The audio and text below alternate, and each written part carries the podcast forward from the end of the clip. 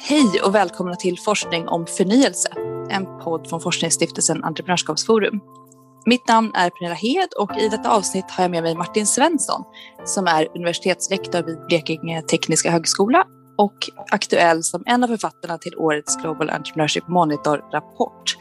Välkommen Martin! Tack snälla! För lite bakgrund så kan jag berätta att GEM, alltså Global Entrepreneurship Monitor, är världens mest omfattande forskningsprojekt som årligen mäter och analyserar entreprenöriella aktiviteter, ambitioner och attityder. Och projektet startades med tio länder 1999 och därefter har antalet deltagande länder varierat runt 50 länder. Och i årets undersökning har 43 länder medverkat och drygt eh, 150 000 personer har besvarat detaljerade enkäter och intervjuer. Och Entreprenörskapsforum är alltså den svenska noden i detta globala projekt och varje år ger vi ut en nationell rapport baserad på GAM-undersökningen. Så lite om årets GEM är då att den innehåller en kartläggning av den policyrespons som sjösattes med anledning av pandemin. Och i, i eh, studien så har ni tittat på pandemins tidiga effekter på entreprenörskap bland annat. Och i rapporten så visas det tyvärr att det svenska entreprenörskapet faller och eh, Sverige intar nu en internationell bottenplacering. Och det är då trots de åtgärds och stödpaket som har initierats av regeringen under den här tiden. Mm. Eh, Martin, vill du berätta lite om undersökningen och vilka övergripande resultat ni ser i år? Mm. Det är, eh, alltså har ju varit ett spännande år ska jag säga. Och det har ju varit ett lite annorlunda år även för GEM-teamets del. Och vi, alltså förutom att vakta den datan som vi får in via själva undersökningen i GEM så har vi också följt de här politiska åtgärdspaketen och det har vi gjort både nationellt och internationellt. Och det är ju lite ovanligt att förhålla sig till den mängden beslut som fattas på så kort tid och sen samtidigt då diskutera ekonomiska konsekvenser i förhållande till det. Eh, men vad man skulle kunna säga kring övergripande resultat det är ju att alltså det har ju präglats av en genuin osäkerhet. Eh, ifrån det att man ser de här första fallen i eh, Kina så fick vi ju fall i Sverige under kvartal två och sen så någon gång brytningen kvartal två och kvartal tre så störtdök ju ekonomin. Eh, och den har väl i det närmaste alltså varit en rekylmässig återhämtning så det har varit väldigt stor volatilitet och osäkerhet i de här fallen. Och tråkigt nog i det här så har ju eh, entreprenörskapet då fallit från eh, ungefär 8% ner till 7% Och det är ju från redan eh, låga nivåer internationellt sett. Så en, en, för en jämförelse där så är det ju att ett snittvärde för höginkomstländer ligger på ungefär 12% Så att vi, vi ligger nästan 5 procentenheter under det. Vad mer man kan säga om övergripande resultat det är ju att eh, det har varit ganska lågt antal företagsstarter i Sverige eh, och antalet företagsnedläggningar har också varit låg, vilket tyder på en eh, långsam strukturomvandlingstakt. Samtidigt så finns det ganska, även om det har varit ett tapp i antalet personer som tycker sig se affärsmöjligheter, så befinner vi oss fortfarande på ganska höga nivåer där internationellt sett. Mm. Det kanske, eller det är väl föga förvånande egentligen att pandemin har haft en negativ inverkan på företagandet. Eh, men särskilt så ser ni att det har eh, inverkat negativt på unga företags möjligheter, där fler mm. då har svårat, svårare att nå ut på internationella marknader. Mm. Eh, hur står sig Sverige jämfört med andra länder vad gäller det? Ja, men det, här är lite intressant för att alltså, Sverige känns nästan som en paradox i det här eh, läget. Att man, man upplever att det finns ganska mycket affärsmöjligheter men själva realiseringsgraden för entreprenörskapet är låg. Man, som jag nämnde innan här, att den ligger runt 7 procent nu. Eh, vilket det blir lite grann av en, av en paradox skulle jag vilja säga. Eh, och de, vad det gäller internationaliseringen så är det ju så att det föll med cirka 7 procentenheter eh, i förhållande till perioden 2017 till 2019. Och nu ligger vi på ungefär 49 procent. Det är de företagen som har minst en kund eh, utomlands. Och det gör att Sverige placerar sig på åttonde plats, eh, om jag kommer ihåg rätt. Och väljer man lite mer ambitiösa mått, då de som har 25 procent av kunderna utomlands, så placerar sig Sverige något högre. Då, då placerar man sig på plats fem av eh, ekonomiskt jämförbara länder. Eh, vad tänker du kring att eh, trots att regeringen då har, eh, har skapat relativt omfattande åtgärder och stödpaket för företagandet eh, så sjunker, så ser vi nu att entreprenörskapet sjunker jämfört med föregående år. Mm. Och det som, det som visas också i undersökningen är att mindre än hälften av de intervjuade företagarna tycker att regeringen har svarat upp väl mot de ekonomiska konsekvenserna av pandemin. Mm. Mm. Vad eh, tror du, vad kunde regeringen om något ha gjort istället? Var brast det? Mm. Det, det är ju en eh, jättesvår eh, fråga att svara på och det har ju liksom präglats av osäkerhet för, för alla aktörer eh, som har alltså jobbat med entreprenörskap. Eh, det, det här att entreprenörskapet backar 1 det är ju givetvis inte bra. Eh, samtidigt så har det etablerade företagandet ökat med 1,2 eh, procentenheter mellan 2019 och 2020. Det kan ju tyckas lite kontraintuitivt att etablerat företagande ökar. Möjligtvis skulle man kunna tänka sig att eh, det här finns en koppling till de företagsstöd och de åtgärdspaket som har gjort och att då de i huvudsak har varit inriktade på att hantera redan etablerade företag snarare än att skapa nya företag. Det finns ju potentiella risker med det och det är ju att eh, alltså, nya företag bidrar ju till alltså, positiv turbulens, spillover-effekter i ekonomin. Eh, och får man inte ett inflöde av nya företag så går man också miste om de, den typen av eh, effekter. Så det är möjligt att man skulle kunna jobba mer för att främja nyföretagande på det sättet. Mm, så det kan möjligen ha inverkat dynamiken mm. negativt. Ja. Mm. Ser ni någon skillnad vad gäller olika branscher här? Ja, alltså, alltså hotell och restaurangbranschen är ju hårt drabbad. Mm det får man säga. Det, det, är ju svårt att komma ifrån det. Om vi tittar lite, blickar lite framåt, hur, eh, hur ser det ut för våra svenska entreprenörer? Tror tror att det finns en risk att det kommer en ny våg av konkurser, eh, till exempel när anståndet med skattebetalningar slopas framåt. Mm. Mm. Ja, men det är ju också intressant med den här rekylmässiga återhämtningen i, i ekonomin. Och det är också svårt att prognostisera vad, vad det kommer att få för långsiktiga effekter eh, av det som har varit nu här. Eh, det finns ju en uppenbar risk i att eh, alltså skatteanståndet när det slopas så kan det ju bidra till eh, en ökad konkursvåg. Eh, det är inte säkert att man liksom kan takta eh, efterfrågan på produkter med när skatteanståndet slopas och ökar då efterfrågan eh, samtidigt som många branscher har reducerat personalen så finns det risk att man inte kan möta den efterfrågan och det ökar ju risken för konkurser.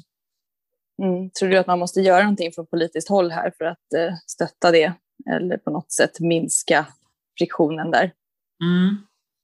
Ja, men det, det är en, en, en, svår fråga och så, såklart skulle man ju kanske kunna tänka sig någon form av eh, eh, alltså progressionsmodell där man successivt börjar betala tillbaka eh, skatter. Alltså det finns ju svårt för en del, eh, det är svårt för en del branscher eh, att alltså möta en ökad efterfrågan nu. Och det är liksom svårt att spara hotellnätter och medan ja, andra företag kan bygga lager till exempel som gör att de, de kan klara sig lite bättre. Mm. Men alltså, när skatten ska betalas tillbaka och, och, det inte finns pengar att göra det så det är klart att det är inte så speciell rolig situation att stå inför.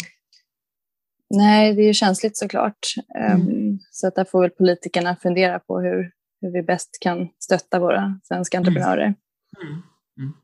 En, en annan intressant fråga som dyker upp eh, i och med pandemin är ju hur vi har sett att det har blivit en förskjutning i den ekonomiska geografi. Den här tiden har ju påverkat hur vi arbetar och hur vi reser och konsumerar och Eh, vad tror du, hur tror du att det kommer, hur har det påverkat ekonomin nu och hur tror du att det kommer påverka ekonomin på sikt? Ja, det är spännande tider skulle jag vilja säga. Eh, jag tror ju att det här är en, eh, alltså en, en omvandling som kommer till att få eh, ganska långtgående effekter.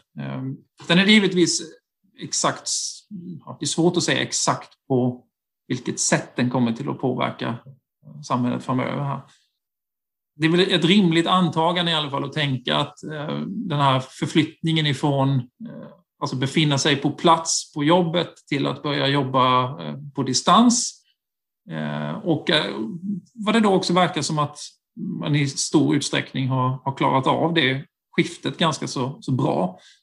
Det får ju konsekvenser av att företag börjar se över behov av lokaler, de börjar se över behov av att, av att verkligen resa, vilka typer av arbetsuppgifter kan man förlägga på distans och så vidare. Så det, Eh, någon övergång helt till distans tror jag inte, men att det kommer att bli någon form av hybridlösningar eh, där kanske då eh, resandet och, och lokaler minskas. Det kan ju såklart få effekter för ekonomin.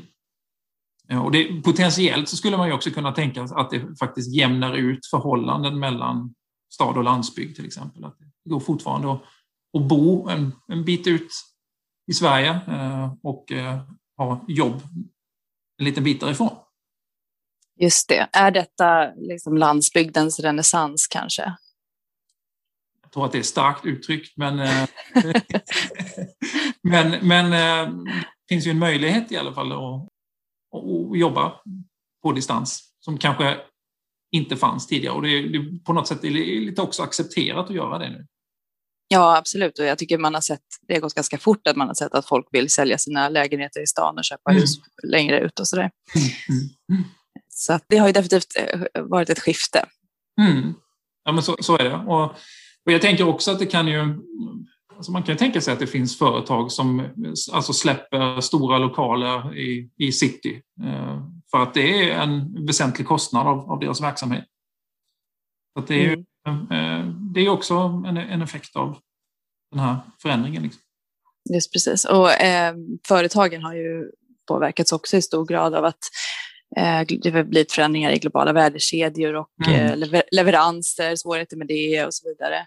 Och det, ni, ni tittat på det lite i rapporten också. Vad, mm. vad kan du säga om det?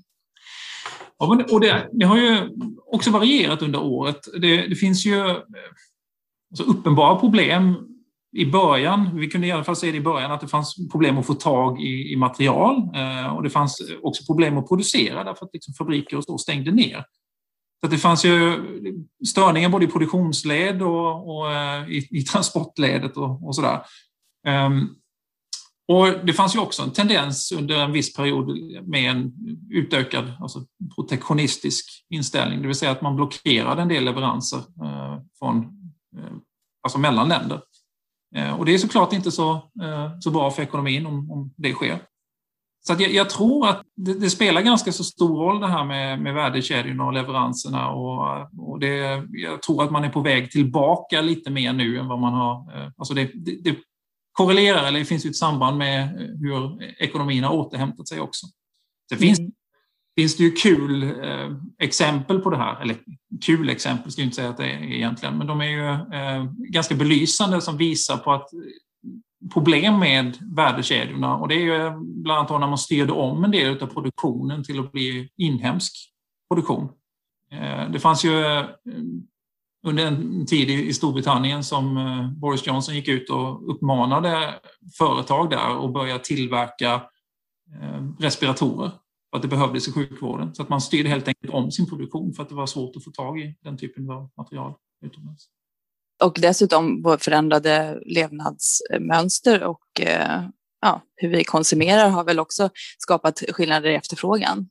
Ja, och, och, det där, jag tror ju att många familjer har, om man liksom ska dra ner det här på, på familjenivå, så är det många familjer som har eh, ätit bättre än tidigare. Eh, det har inte funnits så många andra nöjen att göra. Det har varit nedstängda lokaler, det har varit eh, nedstängda aktiviteter och så vidare. Så man har på något sätt liksom förhållit sig lokalt på det sättet. Mm. Att det påverkar ju också levnadsmönstren. Där har man väl kanske, det har man väl sett också i alltså dagligvaruhandeln, så har ju det Eh, den har ju ökat. Eh, man ser ju också att det har alltså ökat eh, det här med att bygga altaner och, och sådana saker. Mm, absolut. Vi har till mm. exempel haft svårt att få tag i en båtmotor nu till sommaren. För att ja. de är helt, helt slut. Och så, det kommer eh, inga nya leveranser. Nej, så, så, så är det. Och eh, jag hade ett exempel förra veckan där jag skulle köpa en, en cykel till en familjemedlem här och eh, cykelhandlaren skrattade åt mig och sa att jag skulle kunna sålt hundra om jag bara hade haft det. Mm. Men, så så det, det, finns ju en, eh, alltså en, en lagg i det här och liksom en, en efterhängsen process, ska vi säga. Mm. Där vi inte har kommit i kappen. Så det, det, är uppenbart att det finns störningar i de här globala värdekedjorna. Mm. Tror du även för entreprenörer och företagare att det lokala blir mer viktigt? Vad man har för omgivning och vilka man samarbetar med och så vidare. Ja, men det finns en, en, ehm, en liten dubbel aspekt av det där. Att eh, samtidigt som att det lokala blir, eh, blir viktigt så blir ju också det internationella väldigt viktigt. Alltså det, eh, vi har ju möjligheter alltså med modern teknologi liksom, att koppla upp oss mot hela världen. Eh, så jag, jag skulle inte säga att ja, det är möjligt att det kanske blir viktigare att, att bo och ha god livskvalitet där, men fortfarande så kommer ju arbetsfältet vara världen. Mm. Ja, det är en intressant, ett intressant skifte faktiskt. Mm. Men om vi får leka lite med tanken att vi kanske ändå är på väg ut ur pandemin, ja. så tänkte jag slutligen att du kanske kan eh, komma med några policymedskick här för mm. våra svenska entreprenörer mm. på mm. väg ut ur pandemin och efter. Vad behöver, vad behöver politiken göra för att stötta våra svenska företag? En, en, en, konkret sak där är ju just det här med alltså slopat eh, skatteanstånd. Att det, det, skulle man ju kanske se över lite grann. Eh, och det kan bli tufft för många företag att direkt gå på och betala en, eh, en uppskjuten skatt. Eh, så där, där finns det en, en konkret punkt. Mm. Ja, då skulle jag vilja säga tack till dig Martin för, för din medverkan. Och jag vill rekommendera alla som lyssnar att ladda ner rapporten, alltså Global Entrepreneurship Monitor, på Entreprenörskapsforumets webbsida. Och där finns också mer information om hela GAM-projektet och eh, även alla tidigare undersökningar. Stort tack igen Martin och stort tack till dig som har lyssnat. Tack.